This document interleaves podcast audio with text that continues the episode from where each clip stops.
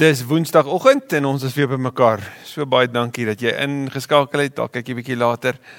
Ons so bly dat jy deel bly. Ons is ongelooflik dankbaar vir die die rykwyte van hierdie ruimte wat ons mekaar kan deel maar van dit wat dit ook in die wêreld doen van mense wat dit aangee of aanstuur en dat ons op hierdie manier ook die erns van God se woord kan besef die diep skatte daarin saam kan ontdek en saam kan delf daar daarmee en en en ook kan vra Here, maar wat doen dit in my hart en in my lewe? Die woord van die Here is genoeg. John MacArthur sê dit op so 'n mooi manier. Hy sê die kerk het het oor tye en bytye in die geskiedenis ehm um, so gefokus op op wat nodig is, amper wil ek sê die die vrilletjies aan die kante. En ons nou in Covid weer net gesien, al wat nodig is is die woord. Suiwer, klink klaar, reguit verkondig, dit was al wat nog altyd nodig was. En mag ons saamkuier vandag ook dit net weer na vore bring dat ons in 'n tyd soos hierdie die wow, die kosbare, die die wonderlike diep waarheid wat in die woord vir ons opgeskryf is en die skatte wat daarin vir ons lê, en dat dit ons lewens verander en dat ons beleef dat die Here aan die woord kom ook vandag. Kom ons vra vir hom daarvoor. Vader baie dankie dat ons vandag weer net u naam kan aanroep as die Here wat wat hemel en aarde gemaak het, die Here in wie ons hoop lê, die Here wat wat goed is, aan wie se liefde daar geen einde is nie. Die die môre ster, die lewende hoop. Dankie Heilige Gees dat ons kan bid dat U asseblief ook in hierdie dag kan doen wat net U kan doen deur u woord. Waar ook al ons in ons lewe is en waar ook al ons op hierdie oomblik in die wêreld is, U is by ons en u woord is aan die woord. Mag ons ons harte oopstel, ons lewens oopstel vir wat U kan doen. Dankie vir almal wat bygekom het in hierdie tyd. Vir almal wat steeds deel is en ook vir dit wat van hier uit voortgaan. Ons bid dit in naam van Jesus, ons Here. Amen en amen. Onthou jy verlede week het ons Lukas 15 hanteer daai waarskynlik die bekendste gelykenis in die Bybel. As jy nou sou dink vir gelowiges en ongelowiges is hierdie veral die derde deel van daai gelykenis so bekend. Onthou jy die een uit 100 skaap wat gesoek is, die een uit 10 muntstukke wat gesoek is en uiteindelik twee uit twee seuns wat gaan haal is deur hulle pa en die huis ingebring is die verlore seun wat dalk beter vertaal kon word as die verkwistende seun, die een wat die geld gaan weggooi en gaan mors het, wat tuis kom, die oudste seun wat sy lewe beskryf as 'n slaaf wat kliphard werk en nie verstaan nie. En en en die verhaal wat dit so oop los van wat gaan hy nou doen? Wel Jesus gaan voort nou in Lukas 16 en ons doen vandag die eerste deel van Lukas 16 dan gaan hy voort met met met hierdie beelde wat hy die koninkryk van God mee beskryf. Onthou jy hy skryf dit vir die en hy sê dit vir die fariseërs nie in die skrifgeleerdes daar om hom. Hulle met hulle kritiese houding teenoor tollenaars en sondaars teenoor die wêreld en natuurlik veral ook teenoor Jesus en sy bediening, Jesus en sy boodskap. So kom ons lees. Vers 1. Jesus het vir sy disippels ook gesê, so die verhaal gaan voort. 'n ryk man het 'n bestuurder in diens gehad en die is by hom aangekla omdat hy sy geld verkoos het. Hy, daar's daai woord alweer, verkoos. So dit sluit so aan by die vorige gedeelte oor die jongste seun. In hierdie geval is dit 'n bestuurder. Wel dit beteken dat hierdie ryk man regtig welvarend was. Want dit was net die superrykes wat dit kon bekostig om 'n slaaf as bestuurder aan te stel om oor jou besittings en oor jou handel en wandel te kyk en 'n bestuur daarvan te wees. Wel hierdie man hoor dan die nuus deur ander aangedra of vertel na hom dat hoorie jou bestuurder is besig om jou geld te verkoos. So wat moet hy dan doen? Hy moet die man ontbied natuurlik. Ek bedoel uh, die is by hom aangekla. So iemand het daaroor kom praat. Dis tyd vir 'n dissiplinêre verhoor. Hierdie man moet tot verantwoording geroep word. En en hoe gaan hy dit hanteer? Wel, kom ons kyk vers 2. Hy ontbied hom toe en hy sê vir hom: "Wat is dit wat ek van jou hoor?" Dit was ook al in die Bybelse tyd so dat hulle wat geld gemors het, hulle wat geld verkoos het wat nie aan hulle behoort het nie, was nie vir private kennis nie. Dit was in die openbaar sigbaar en mense het daaroor gepraat, net soos wat hulle vandag steeds daaroor praat. Hy sê wat is daar dit wat ek van jou hoor? So hierdie hierdie bestuurder was in die gevaar net in die, dit in die oog moes staar dat hy twee sake kon verloor. Een, hy kon sy pos verloor as bestuurder, maar twee, hy het reeds sy reputasie verloor. Want hulle het klaar agter sy rug oor hom gepraat. Dit was klaar bekend gewees. Op sy CV sou dit dus voortaan sigbaar kon wees as jy in vandag se terme daarna sou kon kyk. Die skaamte wat oor hom geheers het en oor sy lewe gehang het, was duidelik sigbaar vir almal om te sien, naamlik jy kan hom nie vertrou nie. So hy vra, "Wat is dit wat ek van jou hoor? Gee verslag van jou bestuur van sake, as dit ware van my sake. Want jy kan nie langer bestuurder wees nie." Nou in die tyd van die Bybel is hier op verskillende maniere betaal. As daar hier verskuldig was aan 'n eienaar, dan sou dit aan die een kant kon betaal word deur middel van 'n persentasie van die oes wat opgelewer is, deur 'n vaste tipe opbrengs van die opbrengs wat gebring is wat wat dan betaal word of deur 'n vaste bedrag. In hierdie geval gaan ek en jy nou sien dat dit die manier hoe daar aan die eienaar betaal is vir die huur van 'n bepaalde stuk land was in die opbrengs van 'n oes wat gegee moes word en gelewer moes word elke maand. Die bestuurder dink toe vir homself. Wat moet ek nou doen? Want my werkgewer neem die bestuurskap van my af weg. Ek word van my pos ontruim. Vir hande arbeid sien ek nie kans nie en om te bedel skaam ek my. Vir hande arbeid sien ek nie kans nie. sien sy sy werk het so bietjie baie gemaklik geword. Vir hom as slaaf wat nou bestuurder is en wat oor ander moet kyk, het sy lewe baie gemaklik en baie rustig geword. Sy hande is sag geword en hy het eers meer kans gesien om homself te verneder sodat hy kliphard kan gaan werk om op daai wyse te voorsien vir hom en sy familie, vir hom en en en die mense wat onder hom is nie. Hy het nie kans gesien nie en hy het ook homself geskaam om te bedel. So wat sou hy doen? En hierdie slinkse man wat agteraf reeds verkwistend met sy met die eienaar se geld en sy eiendom gewerk het, is in sy plannetjies ook nou weer slinks. Kyk wat doen hy. Vers 4. Maar wag. Nou weet ek wat ek sal doen sodat daar mense sal wees wat my in hul huise sal ontvang as ek uit die bestuurderskap ontslaan is. So ek gaan nou iets doen wat my in 'n gunstige posisie teenoor hulle sou bring. Wel as ek verkoostend tot hierdie tot op hede opgetree het, beteken dit ek het myself bevoordeel en die eienaar benadeel en ek is reeds in verhouding met die sogenaamde leweransiers van daai tyd van hulle wat vir my die die die produkte moes lewer. Want ek wil in guns by hulle kom sodat ek op 'n manier kan sê, onthou julle hoe ek julle bevoordeel sodat julle my nou sal bevoordeel. Ek wil nie in skaamte leef nie. Ek het klaar gesê ek ek skaam my om te bedel. So ek gaan nie by julle bedel dat julle vir my goed sal wees nie. Julle gaan goed vir my wees omdat ek goed was vir julle. Nou onthou jy net 'n paar hoofstukke terug het Jesus gesê moenie mense nooi wat wat jy aan goed gaan doen wat eintlik dan verskuldig is om dit weer aan jou te doen. Nie nooi jy's hulle wat nie kan nie.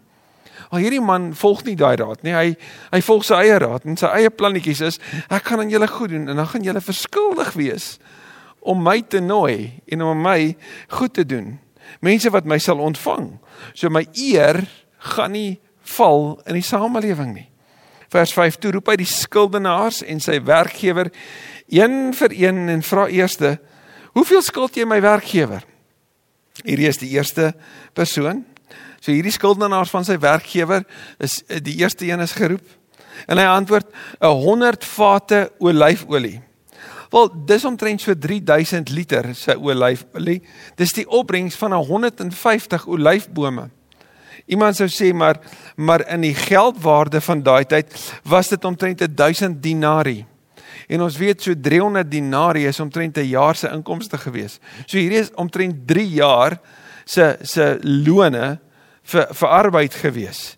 3 jaar se salaris van 'n werker, van 'n harde arbeidswerker wat wat hierdie persoon geskuld het.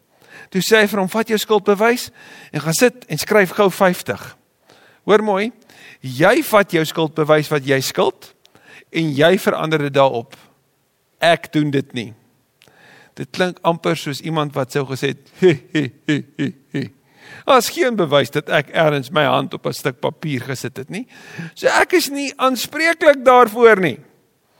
Want dit is die manier hoe hierdie bestuurder nou die sake en sy krisis bestuur. En daarna vra hy die ander: "En hoeveel skuld jy?" Hy antwoord hom: "’n 100 sak koring." Wat die woord sak koring daar is in die Hebreëus die woord kor en en en dit is 'n sak droë koring wat jy gekry het. Dit het so 390 liter met ander woorde beteken wat geskuld is. En hierdie 390 liter reken die die geleerdes van van daardie wêreld. Dis so die opbrengs van omtrent 1000 akker se se veld wat gestroop moes word en dan hierdie opbrengs gelewer is. Dit was so 2500 tot 3000 denari werd. Hy antwoord 'n 100 sak koring en hy sê toe vir hom: "Vat jou skuldbewys en skryf 80." So kom ons verminder dit. Kom ons maak dit minder, maar skryf jy dit asseblief. Die werkgewer het die oneerlike bestuurder geprys vir die slim ding wat hy gedoen het. Wag, wag, wag, wag, wag. Ek weet nie van jou nie, maar dit is so 'n bietjie moeilik aan my. Jesus vertel nou hier 'n situasie wat of 'n verhaal wat wat onmiddellik almal se aandag moet kry. Want die werkgewer kan tog nie hierdie man prys nie. Ek bedoel hy's besig om hom skade aan te doen. Maar as jy mooi dink in tye van van hongersnood, in tye van droogte, wen enige skuldeiser die guns by hulle wat hom skuld wanneer hy sê ek is bereid om van jou skuld te verminder. Ek wil eers jou ontmoet sodat jy my nie so baie sal skuld nie want ek weet jy kry swaar. So my eer as die die eienaar gaan styg in die samelewing. So dit wat jy agter my rug gaan doen, dit bring uiteindelik meer eer vir my en dit verminder die druk op jou as as bestuurder. So eintlik was hy nou nogal slim. Die ander kant is ook so. Hierdie man was baie slim. Want deur hierdie reëling te tref, het hy eintlik teweeggebring dat die die werkgewer of die eienaar dan nou in hierdie geval nie nou kon gaan en vir die mense sê nee, jy skuld my meer nie. Hy kon nie die weldaad wat ooglopend aan nou aan hulle gedoen is, hy kon nie 'n streep daardeur trek nie. Want dan gaan hulle dink, maar jy is oneties. Eers eers het ek minder om te skuld en nou gee dit weer terug vir my. En in 'n tyd van druk en en onsekerheid en in 'n tyd van hongersnood, sou dit maar verskriklik gewees het en dit sou daartoe lei dat die eienaar se eer in die samelewing sou daal. So ironies is dat dit wat aanvanklik verskriklik lyk, like, hierdie weldaad, weldaad wat hierdie bestuurder gedwing was om te pleeg, bring meer dat die eer van die werkgewer, van sy werkgewer, van die eienaar styg. En dan sê Jesus die mense van hierdie wêreld tree onder mekaar slimmer op as die mense van die lig. Maar sien, hier's eintlik die draai van die verhaal. Jesus kom sê hierdie lyk ooglopend slim, maar is steeds verkeerd. En deur te sê dat die mense van die wêreld tree slimmer op, beteken dat gelowiges wat die regte ding doen, hulle self as vreemdelinge in hierdie wêreld baie keer vind. Hulle wat op die regte manier optree, hulle wat op die regte manier kontrakte aangaan, wat op die regte manier handel en wandel, vind hulle self baie vreemd in 'n wêreld waar daar agteraf reël onderhandelings en en reëlings plaasvind. Waar daar agteraf so 'n bietjie gewheel en gedeel word. Agteraf plannetjies gemaak word. In 'n korrupte wêreld tree korrupte mense korrup op en die kinders van die lig vind hulle self as vreemdelinge hier binne. En hulle moet hulle self natuurlik die heeltyd afvra, gaan ek hierdie pad stap? Gaan ek ingee hiertoe want dit is die wyse waarop daar gedoen word of gaan ek getrou leef aan my oortuigings? Gaan ek as 'n gelowige, as 'n kind van hierdie lig, steeds die waarheid van die van die koninkryk leef in 'n wêreld wat al hoe meer vreemd vir my voel? Want dis waarmee Jesus hier ook praat en en te doen het. En jy gaan dit sien as jy byvoorbeeld Openbaring lees. Hoe die gelowiges in die sewe gemeentes van wie hulle belydenis dat Jesus die Here is, hulle werke verloor want hulle het nie die tempels besoek wat gekoppel was aan die die industrie waarin hulle gewerk het nie want vir elke industrie was daar 'n afgod. So as daar 'n tekstielindustrie was, dan was daar 'n tempel vir die tekstielgod en jy moes natuurlik ook die tempel besoek en dan die aanbiddingspraktyke van daai tempel moes jy navolg en al die dinge wat daarmee saamgaan, die die drankmisbruik en die losbandigheid moes jy jouself in uitleef om deel te kon wees van hierdie gemeenskap. En as jy dan jou rug daarop draai en jy sê ek volg vir Christus, Het jy nie net jouself as geëkskommunikeer bevind waar hulle jou uitgestoot het uit die samelewing nie, jy het jou werk verloor. En as kind van die lig, sou dit vir jou baie vreemd gevoel het. Maar sien die mense van hierdie wêreld en in hierdie geval wys beskryf dit dan 'n ongelowiges, het baie slinkse plannetjies. Is almal almal selfsugtig en en gerig op hoe kan ek myself hier uitkry? Hoe kan ek amper soos 'n slang beweeg? Hulle hulle benadering is die van water. Waar ook al die stroom beweeg, net soos wat ek wil, so sal ek gaan. En ek gaan myself om die die reël seil om uiteindelik by dit uit te kom wat ek wil hê. En dis belangrik om hierdie hier te hoor want net nou word hierdie omseiling direk ingetrek na Jesus se hoorders daar om hom.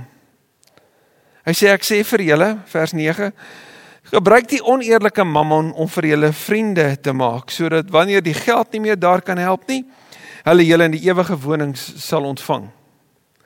Weereens 'n baie moeilike teks. Gebruik mammon om vriende te maak? Belangrik. Mammon vir die mense van die wêreld is 'n doel op sigself. Ek gee my hele lewe om net meer en meer skatte bymekaar te maak. Ek gee my hele lewe om die leer te klim. As ek maar net daai posisie en daai inkomste kan bereik, dan gaan ek mag hê, dan gaan ek eer hê, dan gaan gaan ander met aansien na my kyk. As ek net daai besittings het, dan gaan ek bly wees. Dan sal en jy het al baie keer hierdie woorde gehoor as dit maar net het het een keer gehoor die die storie van 'n man wat wat in 'n sirkel praat, staan en praat en daar stap 'n baie vermoënde man agter hom verby en op daai oomblik hoor hy die man sê: "As ek net 'n 100 000 rand gehad het, dan sou ek darem maar vir altyd bly gewees het." En hierdie vermoënde man het gedink, hy het nog nooit dit gehoor nie. Iemand wat sê as dit die vlak is wat ek nou kan hê, dan sal dit my vreugde vir altyd bepaal. En hy stap toe na die man toe en hy sê vir hom: "Ek sal vir jou die 100 000 rand gee." En natuurlik met soveel blydskap is die man opgewonde en en toe die vermoënde man wegstap, toe draai hy na die ander toe en hy sê: "Jo, ek moes gesê het 'n miljoen." Ek moes gesê het 'n miljoen. Is dit nie so nie? As ek dit sou kry en dan kry ek dit nie, maar as ek dit sou kry, maar dan kry ek dit. As ek dit sou kry en uiteindelik sal dit net nooit genoeg wees nie en ek kan nie hierdie skatte van my die ewigheid invat nie. Ek gaan nie met 'n venterwandjie hemel toe nie. So so hier sê Jesus, nee. Geld is nie die doel op sigself nie. Geld kan 'n 'n funksie hê binne 'n groter beweging wat die koninkryk is. Ander woorde, gebruik geld om verhoudings te bou wat jou lei na die ewige woning toe. So belê jou lewe in die op die plek waar jou skat is en dit is waar jou hart is en dit is in die ewige koninkryk by die Here. So gebruik jou finansies en jou fondse om die koninkryk te bevorder. Om vriende te maak. Hoe kan ek geld vir my vriende koop? Nee, geld maak moontlik dat ek op bepaalde platforms verhoudings kan bou. En in daai verhoudings kan ek mense met met die liefde van Christus bedien. Kan ek mense na die Here toe lei. In die direksiesale kan mense kniel en buig en hulle lewens vir Christus gee. En geld maak dit vir my moontlik om op daai platforms dit te kan doen. Maar maar die bedoeling van geld is nie om my te verryk nie, maar om die koninkryk te bevorder. Vers 4 maar wag. Askies vers 10. Wie in die kleinste dinge betroubaar is, is ook in die groot dinge betroubaar en wie in die kleinste dinge oneerlik is, is ook in die groot dinge oneerlik. Hier praat Jesus van karakter. Jy kan hierin sien dat geld nie 'n persoon besit wat in die kleinste dinge betroubaar is nie. Hierdie oneerlike bestuurder wat geld verkoos het soos die jongste seun is glad nie betroubaar nie. Maar hulle wat in die kleinste dingetjies reg doen. Hulle sal in die groot dinge aangestel kan word en daarin ook reg doen. O, en ons almal wil die groot dinge hê, maar die toets van ons karakter is juis in die klein. Is daarom 'n goeie toets vir kinders om te kan sê, "Volg jy vir Jesus?" Goed, nou wys my jou huiswerk.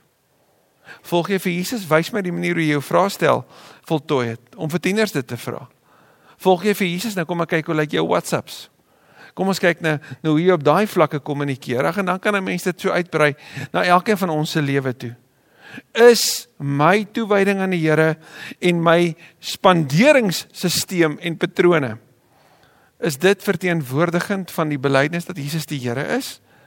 Of gaan alles oor my en die bereiking van meer, die soek na meer? Hoe hartseer is dit dat hulle wat swaar kry, Hulle vertrou nie plaas in die Here nie, maar baie keer in 'n dobbelmasjien. Of hulle uitkoms kry in die in die in die bodem van 'n bottel. Volg ek Christus, dan is hy vir my genoeg. As ek betroubaar in die klein, wel dan sal ek betroubaar wees in die groot. Maar as ek onbetroubaar is in die klein, waar die basiese toets is, dan sal ek faal in die groot. So dis die klein treetjies vir jou en my in ons disippelskap en ons navolging van Christus wat tel. Vers 11. As julle dan nie betroubaar is in die hantering van die oneerlike mammon nie, wie sal die ware rykdom aan julle toevertrou? So as julle nie eers na julle geld kan kyk nie, hoe sal die rykdom van die koninkryk aan julle toevertrou kan word? En Jesus is hier baie pertinent besig om te praat met hulle vir wie geld eintlik bitter belangrik is vers 12. As julle met 'n ander man se goed nie betroubaar is nie, die storie van die bestuurder, wie sal dan iets aan julle gee om as julle eie te besit? Sjoe. Vir die weduwee van van Nain was was wat sy gehad het, is wat sy gegee het vir die weduwee by die tempel was die die klein lepta, die klein klein muntstukkies wat so dun was dat toe hy val in die offerkis toe kon jy dit nie eens hoor nie, was wat sy gehad het en en dit was genoeg om te gee. En die Here sê, as jy betroubaar is hierin, dan gaan jy vertrou word met die skatte van die hemel. Dan gaan jy vertrou word met die die grootheid van dit. En hoe sal jy in jou bestuur van dit wat nie joune is nie? Hoe sal jy dan kan vertrou word met iets wat vir jou gegee word om na te kyk? Bewys jou betroubaarheid in jou hantering van ander se goed.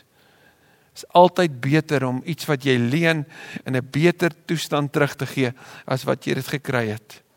Want dan is jy betroubaar. Dan getuig jy oor die lewe van Christus wat 'n realiteit in jou lewe is wat jou lewe stuur en rig. Vers 13: Gees geen huisbediende kan vir twee baase gelyk werk nie, want hy sal of die een minder ag en die ander een hoor of vir die een meer oor hê en en die ander een afskeep. Jy kan nie God en Mammon dien nie. Hoe het jy uh, as 'n as 'n huisbediende by twee baase geëindig?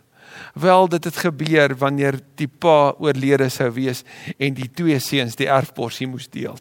En as deel van die erfporsie sou die bedienis en die slawe wees. En as jy 'n slaaf was en jy het nou skielik twee baase, is dit duideliker dat jy 'n verdeling in jou fokus gaan hê. Jy gaan 'n verdeling hê in die aandag en jy gaan dan hard hier werk en en dan dalk ander keer weer hard hier, maar jy kan nie hard op dieselfde tyd beide kante toe werk nie. So jy moet eers vir iets nee sê sodat jy kan ja sê aan die ander kant en dit is belangrik vir jou en my om dit ook te weet in ons eie lewe. Vir alles wat ek vir ja sê, moet ek vir iets anders vir nee sê. En hier sê Jesus, jy kan nie God en Mammon dien nie. Is anders gestel. Jy kan nie half swanger wees nie. Jy moet voluit gaan vir een en die ander een los. So wat gaan jy los? Gaan jou navolging van die Here gaan dit belemmer word deur die feit dat jy ook geld wil navolg? Ja. Gaan jou navolging van geld belemmer word omdat jy ook die Here wil behaag? Ja. So kies. Kies of die Here of Mammon. En en die belangrike hiervan is nie dat Mammon die ewel is nie, maar dat Mammon in diens van die koninkryk moet wees. Dat dat dat mense wat die gawe het om geld te maak en daar is baie dat hulle dit sal gebruik om die die koninkryk, soos die Engelsers sê, te advance, te bevorder. So daar's mense wat besighede skep juis om daaruit geld te genereer sodat hulle ander kan ondersteun. Daar kan wees vir mense en senderinge kan uitstuur. Projekte kan ondersteun wat regtig 'n wesenlike verskil maak. Hier by Kerk die Mure het ons byvoorbeeld uh sous, ag sis, die die social upliftment services of social upliftment solutions wat met met uh, besighede in verhouding is en en ondersteun en en en en aan die ander kant toe om en dit alles werk ten goeie mee vir die uitbreiding van die koninkryk vir die bevordering van die bediening. So ja, neem neem hande, vat hande met ander en en kom ons gebruik die geleenthede, maar alles met die sentrale fokus om God te verheerlik en die koninkryk uit te brei. Dis die punt hiervan. In die Fariseërs vers 14 wat baie lief was vir geld, het hierdie dinge gehoor en toe hulle dit hoor, het hulle Jesus beledigend uitgelag. Hulle het hom vernederend uitgelag. Jy sou kon sê met hulle woorde het hulle hom so verneder want hulle het self aangekla gevoel. Jy het seker al gesien as iemand aangekla is of skuldig is, dan verander hulle dit gewoonlik met 'n lag van sê ek daai nie. Kyk hoe belaglik is hierdie stelling. En wel die fariseërs was mal oor besittings. Hulle was mal oor hulle status en hulle weelde. En nou kom sê Jesus, maar jy kan nie dit doen nie. As jy regtig 'n 'n getroue dienaar van God is, dan kan geld nie vir jou die groot opsie wees nie. Dit moet die verheerliking van die Here bo alles wees. Geld moet jou nie vashou nie. Vers 15, hy sê toe vir hulle: "Julle is die wat wat julle voor die mense as goeie mense voordoen." Maar God ken julle harte. Wat deur die mense as belangrik beskou word, is 'n gruwel voor God. En wat sien mense? Status, selfverheffing, selfeer. Dis alles oor my wanneer ek net oor myself praat en en seker maak dat almal verstaan hoe belangrik is ek en en en my vertoon en uiteindelik die galery van my lewe waarby al die fans en al die mense wat so mal is oor wat ek doen tog daagliks net kan verbystap en sê wow want is net ek. Dis 'n gruwel voor God want dit kom by mense verering dit kom by die fokus op mense en hoe belangrik hulle is. In hierdie geval belangrike godsdienstige mense. So want dit die paparazzi en die mamarazzi van die kerk agter die fariseërs aanbeweeg en die fotos gaan neem van kyk net hoe pragtig, kyk net hoe bid hulle, kyk net hoe staan hulle op die hoeke vir groot vertoon van ander. Kyk net hoe raak hulle op sekere tye aan mense sodat hulle waardeer kan word. Kyk net die die daad van welwillendheid wat hulle daar in openbaar doen sodat almal kan weet hoe baie hulle omgee. So toegewyd Intussen is hulle harte donker. Intussen is hulle harte nie by die Here nie. En 'n hart wat verwyder is aan God is soos daai verlore seun, sy hart op 'n ander plek. En wanneer jou hart op 'n ander plek is, dan gaan jou lyf 'n manier kry om daarby uit te kom. In Lukas 15 het Jesus sê die Vader wag dat daai verlore harte terugkom. Dat dat mense terugkom. Dit is die die die die die skets van die van die gelykenis. Dis tog waarop dit neerkom. Hierdie fariseërs wat deur ander raak gesien word. Se ware ware harte is verwyder van die Here. En hierdie valse vertoon, hierdie valse voorgee wat ander mislei is 'n gruwel voor God. Beskrywing van die duiwel is die woord misleiding. Hy wat jou van die pad afneem nie die fariseërs was wat wat so vreemd opgetree het eintlik soos wat die Here nie wou nie was besig om mense van die pad af te lei met 'n verkeerde voorbeeld en met 'n verkeerde voorgee. Vers 16 tot op Johannes was dit net die wet en die profete. Van toe af word die koninkryk van God verkondig en elkeen probeer so hard as wat hy kan om daarin te kom. Jesus sê dat tot op Johannes en en en met met die lewe van Johannes het 'n nuwe era aangebreek. Het dit gegaan oor die wet en die profete en die fariseërs was besig om dit te interpreteer en dit vir die mense te leer. Maar toe die koninkryk gekom en dit het met krag gekom in Christus waar jy jou lewe oorgee, waar jy tot inkeer kom en waar jy agterom aanstap. En hierdie koninkryk is goeie nuus vir almal, dis 'n jubeljaar vir almal Dis dis waar die weduwees en die wese 'n plek kry. Dis waar die armes genoeg het. Dis waar die wêreld herstel word. Maar tot en met daar was daar 'n ander era gewees. 'n Era wat God se bedoeling was om lig vir die nasies te wees, maar lyk vir my hierdie groepie het maar die lig by hulle gehou. Elkeen probeer om daarin te kom. Een van die verduidelikings daarvan is dit word probeer om mense probeer, die fariseërs probeer om by God uit te kom, maar hulle wil die die reëls omseil.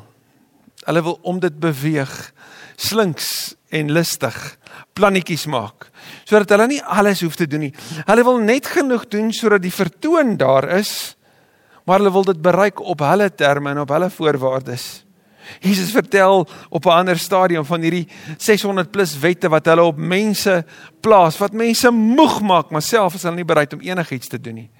Hulle volg dit self nie na nie. Hulle is nie besig om te practice what they preaching nie. Hulle leef 'n ander lewe vers 17 tog is dit makliker vir die hemel en die aarde om te vergaan as dat een lettertjie van die wet verval. Hierdeur kom sê Jesus vir hulle, vir die fariseërs, hierdie reëls wat julle so ombuig en hierdie hierdie reëls wat julle so aanpas. Julle dink dit verander. Julle dink dit is soos klei, dit kan omvorm word. Dis soos die teks wat gedraai word en misdraai word en op ander hoeke na gekyk word sodat die waarheid wat daar binne staan sagter gestel kan word en daarom nie net heeltemal dit kan beteken nie. Want dis wat hulle daarmee gedoen het. Jesus sê die aarde sal verdwyn en en die hemel verdwyn en dit is makliker vir dit om te gebeur as dat een van die letters van die wet sal verval. God se wet en as jy Matteus 5 tot 7 kan gaan lees die radikaliteit van God se wet, dit staan vas. Om reg op te tree en reg te leef in toewyding aan God en aan mense en aan die natuur. Dis God se wil. En jy kan dit nie omseil nie. Jy kan nie by ander verbystap en neerkyk op hulle nie. As jy nou dink aan wat Jakobus vir ons leer wanneer hy sê egte en suiwer godsdienst aan die einde van hoofstuk 1 vers 27 is om om armes by te staan, om weduwees en wese by te staan. Dis waaroor God se koninkryk gaan. Is om die wêreld te herstel. En die fariseërs wat so neergekyk het op ander, hulle was besig om die koninkryk te mis. En hier sê Jesus vir hulle, jy kan doen wat jy wil, maar die waarheid bly my wil, my wet en jy gaan jou lewe moet moet ondergeskik stel hieraan. Jy gaan nie kan maak net wat jy wil nie. Vir die oomblik lyk dit so. En jy ver, vertoon en jy kil mense. Maar my waarheid bly die waarheid. Hierdie maak jou dalk geweldig ehm um, weet ontvanklik by ander. Mag jou gewild maak by ander. Maar as 'n gruwel voor my oë. Want jy moet jou lewe ondergeskik stel aan my. En dan 'n vers wat amper lyk asof Lukas, hoekom het jy dit hier geplaas? Hoekom het jy toe jy oor Jesus se woorde en oor hierdie hierdie lering van Christus gepraat het, hoekom sou hierdie versie in wees? Want ek wil dit word nie verder omskryf nie, dit word nie verder bespreek nie. Dis nie 'n 'n 'n Maleagi tipe preek oor die tema nie. So waaroor gaan dit? Wel, dan moet ons dit mos nou duidelik bind met die voorafgaande. Vers 18 sê elkeen wat van sy vrou skei en met 'n ander een trou, pleeg egbreek, egbreek en iemand wat met die geskeide vrou trou, pleeg ook egbreek. Wel die duidelike oppervlakkige betekenis hiervan is dat dit die waarheid nog altyd was. Dat dat egskeiding 'n gruwel in God se oë is, dat die Here dit nie wil hê nie. Op die oppervlak gesien. Dieper gesien as jy na Maleagi gaan kyk, dan gaan jy meer daaroor leer. Maar nog dieper gesien gaan kyk ons na die na die wet en hoe die fariseërs dit toegepas het. sien want in die tyd van die Bybel het hulle vir die man se bietjie van 'n caveat gegee, 'n uitkomkans. En weet jy wat was hierdie caveat? Dit was gewees dat jy vir jou jy, jy trou, jy beloof trou, maar dan op 'n stadium is jy nou nie meer lus vir hierdie vrou nie. So wat doen jy? Jy gee vir haar 'n egskeidingsbrief. Jy ontneem jouself of jy jy jy bevry jouself van die verantwoordelikheid om vir haar te sorg. En dan gee jy dit vir haar en dan jy vry. Dan is julle nou geskei. Maar vir jou as man het dit lekker gewerk. Jy kon aanbeweeg. Maar vir haar as vrou het dit haar blootgestel want wie gaan nou vir haar sorg? En wie gaan 'n geskeide vrou neem in die Bybelse tyd? Wie sou wie sou nou vir haar sorg as sy moes terug gaan na haar familie toe? En as hulle nie meer daar was nie, wat dan?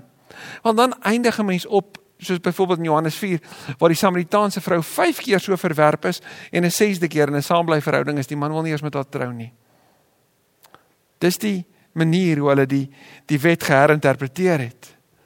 Maar maar is daar 'n dieper betekenis hier dan? Wel, die direkte konteks sê Jesus het na Johannes verwys en wat het Johannes gesê? Johannes het op Herodes Antipas gewys en vir hom gesê jy kan nie jou broer se vrou vat vir jouself nie. Jy kan nie net sê hoor jammer, jy gaan weet jy's nou ontneem van jou vrou, sy's nou myne en ek gaan nou met haar trou nie. Wel die Fariseërs sou kon sê natuurlik kan hy. Ek wil al wat moet gebeur is dan moet 'n ek ek bevry myself van my verantwoordelikheid teenoor jou van jou boetie af wees en dan neem jy haar. Dis nie 'n probleem nie. So hulle het maniere gekry om om dit te omseil en en dan trou jy met haar. Daarom sê Jesus, dis egbreek. Maar daar's nog 'n dieper waarheid hierin. En dit gaan oor die Fariseërs. Die Fariseërs wat wat aan God gebind moes wees, wat toegewy aan die Here moes leef wat die Here gelos het en Mammon begin dien het. sien hulle die een verhouding gelos vir die ander.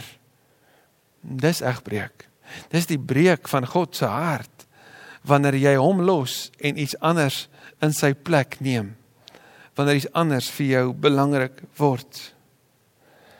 Mag ek en jy in in hierdie tyd ook by die Here hoor. Wat beteken 'n onverdeelde hart vir hom? wanneer hy sê maar maar ek wil hê dat jy eerlik in alles sal wees. Dat jy nie verdeeld sal wees in in jou etiese optrede nie. Dat jy hier toegewyd lyk en daar dalk 'n bietjie toegewyd leef en hier net maak wat jy wil nie. Dat ek en jy ons totale lewe sal bring en sal sê Here maar skyn u lig op alles. Wys my donker kolle uit en ek wil dit na u toe bring en ek wil dit ondergeskik stel aan u lewe aan u wil, aan u voorbeeld, aan u beste vir my. Want sien as ons bely dat die beste lewe die Jesus lewe is, dan beteken die Jesus lewe ten volle toewyding aan God. En dit beteken dat ek alles in my lewe, my besittings, my verhoudings, my hele lewe onder sy vergrootglas kom plaas en sê Here, kom leer my en kom lei my, want ek wil agter U aanstap. Ons gaan volgende week sien hoe belangrik dit is dat ons so sal leef. Want daar's 'n eindpunt. En dit wat daarna gebeur, dis krities belangrik dat ons nou al reeds reg is vir dit. As die Here wil, sien ons mekaar weer volgende week. Kom ons bid. Dankie Here vir alles wat U doen, wat U in ons wêreld doen, wat U in ons lewens doen. Here ook baie keer in in tye wanneer wanneer ons onverdeel wanneer ons verdeeld voel, wanneer ons aandag verdeel is, ons dagboeke verdeel is, ja ons begrotings verdeel is. Wanneer ons twee baase op dieselfde tyd probeer dien. Wanneer ons ongelukkig is omdat ons nie voluit gaan vir die evangelie en vir die koninkryk nie en en eintlik as dit ware op 'n op 'n systraatjie afdraai en en ander plannetjies begin maak. Dankie dat U woord ons vandag terugroep. Dat U vir ons sê, maar kom na my toe. Kom na my toe en leef die lewe met karakter en integriteit. Leef die lewe met met jou onverdeelde aandag gefokus op my. Leef die lewe al al lyk dit vir die vir die vir jou of die die wêreld te slim is en wegkom met alles en dit maak nie vir jou sin nie en dit maak dit dalk by tye vir jou moeilik.